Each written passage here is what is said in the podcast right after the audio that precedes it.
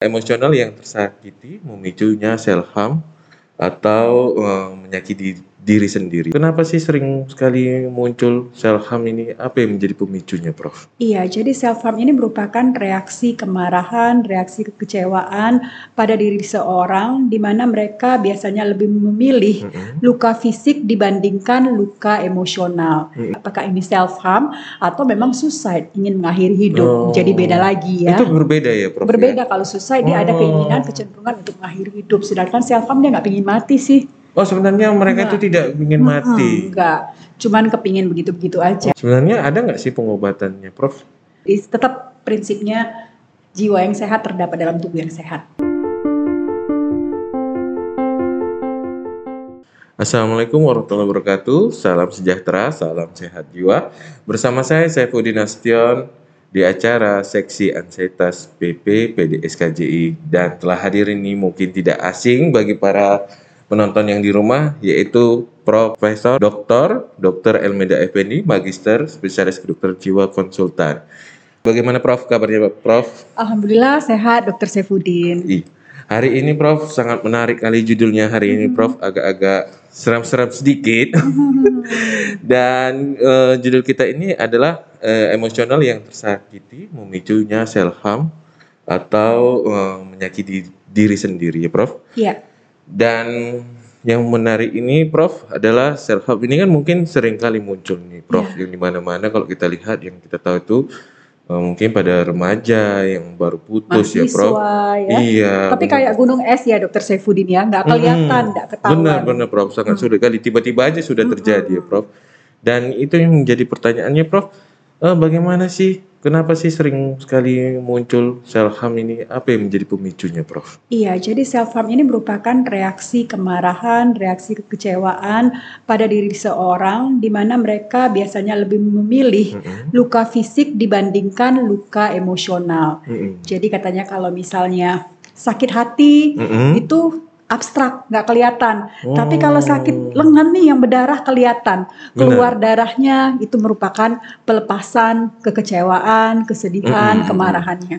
Sehingga orang sering sekali menggunakan self harm ini sebagai ekspresi dari kekecewaan, kesedihan, kemarahan, mm -hmm. kekesalan dan sebagainya tadi. Jadi reaksi emosi negatifnya bisa disimbolisasikan, mm -hmm. di, diwakilkan oleh fisik tadi. Oh, perasaannya enggak ini ya, iya. ya Prof ya, terpendam. Biar kelihatan luka hatiku, mm -hmm. mana lukanya kelihatan. Iya. Luka tangannya kan kelihatan. Kita tahu aja tiba-tiba udah iya, sayat Iya, gitu. benar. Tadi uh, tadi Prof bilang kan uh, kalau hmm. bahwa uh, perasaan yang susah diungkapkan sehingga iya. dia ungkapkan pakai luka ya Prof. Iya, benar. Uh, kalau yang kita untuk mengontrol perasaan sehingga tidak terjadi self harm ini bagaimana ya Prof? Iya, jadi sebenarnya bagaimana supaya kita uh, tidak self harm. Self harm ini merupakan suatu coping strategi cara mm -hmm. mengatasi suatu kondisi. Tentu saja mungkin ada cara untuk mengekspresikan emosi-emosi yang tidak kita sukai, tapi mm. jangan sampai melukai diri kita sendiri. Mm -hmm. Misalnya pada saat kita kesal, marah, kita udah sediain itu sarung tinju dan bantalannya, tinggal mm. ninju aja ya. Mm -hmm. Atau kita sediain uh, bola, bola karet, squeeze ball, kita mm-hmm. tinggal rrr, ini ya, pingin nyekek orang, nah bola bolanya bolanya yang kita remes ya, Prof ya. Betul. Jangan orang yang Jangan kita cekek emang bahaya Jadi, sekali. Ada juga kan orang yang senang ya self harm tuh kalau nggak goret-goret kadang-kadang kepala tuh yang di oh, dijedut gitu. Iya. Jadi mungkin ada sesuatu yang bisa kita jedukin tapi bukan kepala kita atau kepala hmm. orang ya. Jadi ada sesuatu atau dia bisa mungkin mengekspresikannya dengan bentuk yang lain. Hmm. Misalnya pada saat itu dia langsung kickboxing, hmm. muay thai hmm. atau misalnya uh, olahraga yang agak keras, hmm. jadi mengekspresikan emosinya seperti itu. Atau juga tidak harus dengan kekerasan ya, kekecewaan Benar. mungkin dia bisa dengerin lagu, main piano, hmm. buat main piano atau juga uh, ekspresif dancing dia hmm. menari secara ekspresif, mungkin itu bisa plong. Oh berarti Prof harus ada cara pelepasannya iya, yang lebih iya. baik ya Prof, iya, jangan mensayat ya Prof ya. Iya. Dan sebenarnya self harm ini apa mungkin berulang lagi Prof? Sering sekali iya, jadi jarang orang melakukan oh. sekali, tapi kecenderungannya kalau sekali seperti coping strategi itu, mm -hmm. kalau dia udah biasa seperti itu, mungkin kalau ada masalah lain dia akan melakukan hal seperti itu juga. Mm -hmm. Dan itulah yang kita harus kontrol ya. Benar. Sekali dua kali mungkin goret-goret, lama kali terlalu dalam mungkin Benar. ya melukai benar. dirinya sendiri. Oh, gitu ya, Prof. Dan pernah saya baca ada ciri-ciri kepribadian ini ya, Prof. Iya. Untuk yang self harm ini. Ya, ada So- ciri kepribadian tertentu yang sering sekali melakukan self harm. iya, memang. benar. Saya ada saya baca, Prof. Sebenarnya ciri-ciri kepribadian itu yang mana ya, Prof? Dan apa ciri-cirinya, Prof? Ada eh, suatu ciri kepribadian atau gangguan kepribadian yang kita kenal dengan borderline personality disorder atau Mhm. BPD atau bahasa Indonesianya gangguan kepribadian ambang. Iya. Nah, di situ biasanya ditandai dengan orang tersebut selalu emosinya tidak stabil. Benar. Dia merasa tidak paham akan dirinya, Mhm. merasa sepi di tengah keramaian, Hmm. merasa sendiri, merasa tidak seorang pun mengenal, mengen- mengerti akan dirinya. Mm-mm. Kemudian dia sering, sering sekali melakukan berbagai tindakan ekstrim seperti melukai dirinya sendiri. Hmm.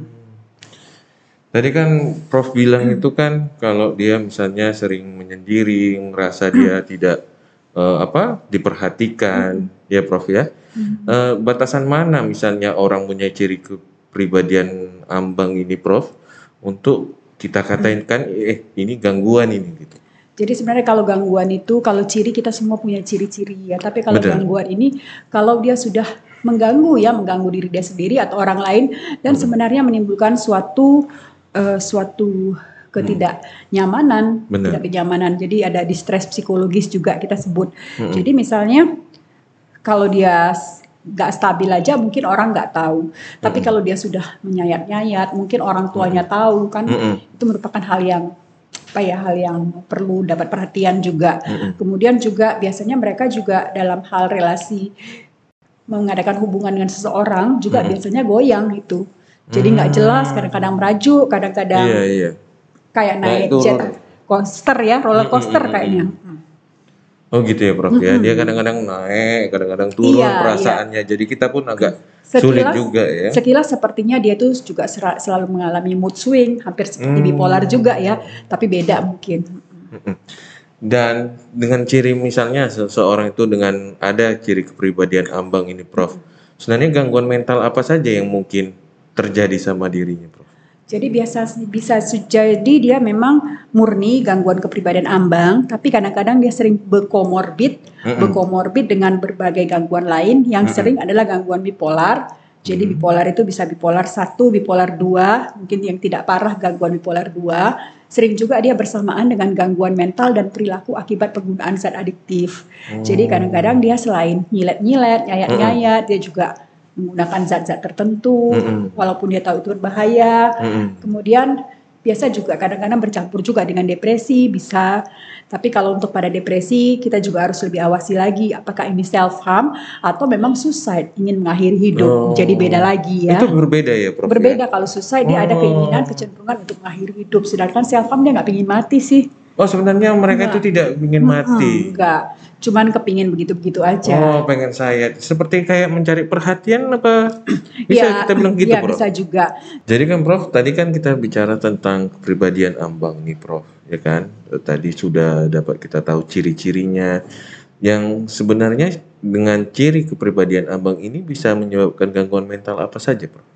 Sebenarnya bukan menyebabkan ya Dr. Saifuddin, tapi sering sekali bersamaan atau berkomorbid Oh, bersamaan. dengan iya dengan gangguan afektif bipolar, Mm-mm. kemudian dengan gangguan mental dan perilaku akibat penggunaan zat adiktif. Mm-mm. Jadi mereka cenderung menggunakan zat-zat adiktif, alkohol, Mm-mm. kemudian juga sering sekali bersamaan juga kadang-kadang dengan depresi sendiri. Oh, jadi dia bersamaan ya, Prof ya, Iya. bukan mengakibatkan ya, Prof. Bukan mengakibatkan Mm-mm. ya. Dan misalnya dengan orang dengan gangguan kepribadian ambang ini, Prof, yang tadi kita bicarakan, sebenarnya ada nggak sih pengobatannya, Prof? Sebenarnya kalau untuk gangguan kepribadian itu pengobatannya bukan pada yang menggunakan obat-obat, Mm-mm. tapi lebih menggunakan bagaimana kita mengedukasi mereka Hmm. untuk meng- melakukan coping strategi yang sesuai.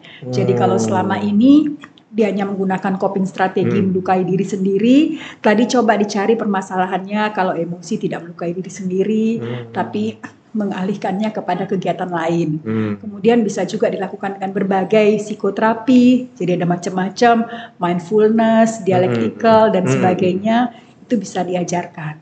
Oh, berarti tidak hanya obat-obatan saja ya, Prof? Bukan. Dan kemudian juga yang tidak eh, kalah pentingnya adalah tetap mengajarkan orang tersebut untuk berperilaku hidup sehat. Jadi kalau dengan Mm-mm. makan makanan bergizi, Mm-mm. kemudian olahraga teratur, kemudian istirahat yang cukup, Mm. kadang-kadang boleh ditambah dengan relaksasi, biasanya pikirannya juga Oh. lebih tenang Oh, lebih tenang. dan emosinya lebih stabil.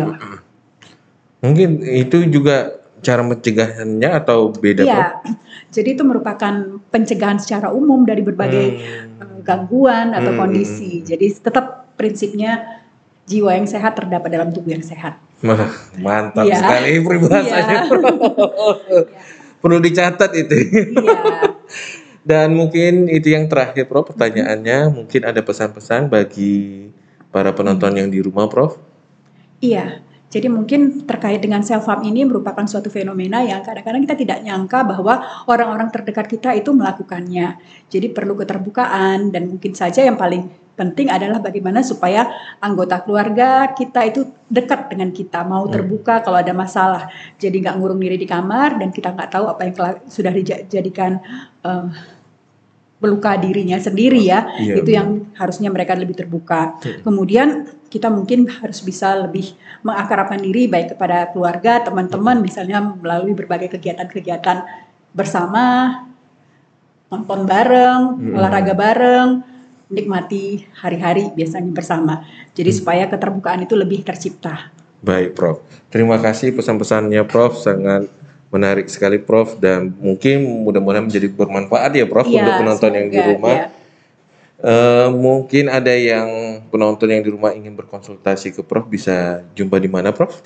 Eh, saya bisa dijumpai di Rumah Sakit USU pagi sampai Oh, pagi, siang. Prof. ya. Oke. Terima kasih, Prof, eh, atas kehadirannya. Jangan bosan-bosan di acara ini ya, Prof. Iya. Nggak bosan kan, Prof? Nggak bosan, saya senang kalau diundang terus. Akan selalu kami undang, Prof. Iya, iya, iya. Terima kasih, Prof. Terima kasih. Dan akhir terima kasih para penonton yang di rumah. Akhir kata saya mengucapkan tiada kesehatan tanpa kesehatan jiwa. Assalamualaikum warahmatullahi wabarakatuh. Salam sejahtera, salam sehat jiwa. Waalaikumsalam warahmatullahi wabarakatuh.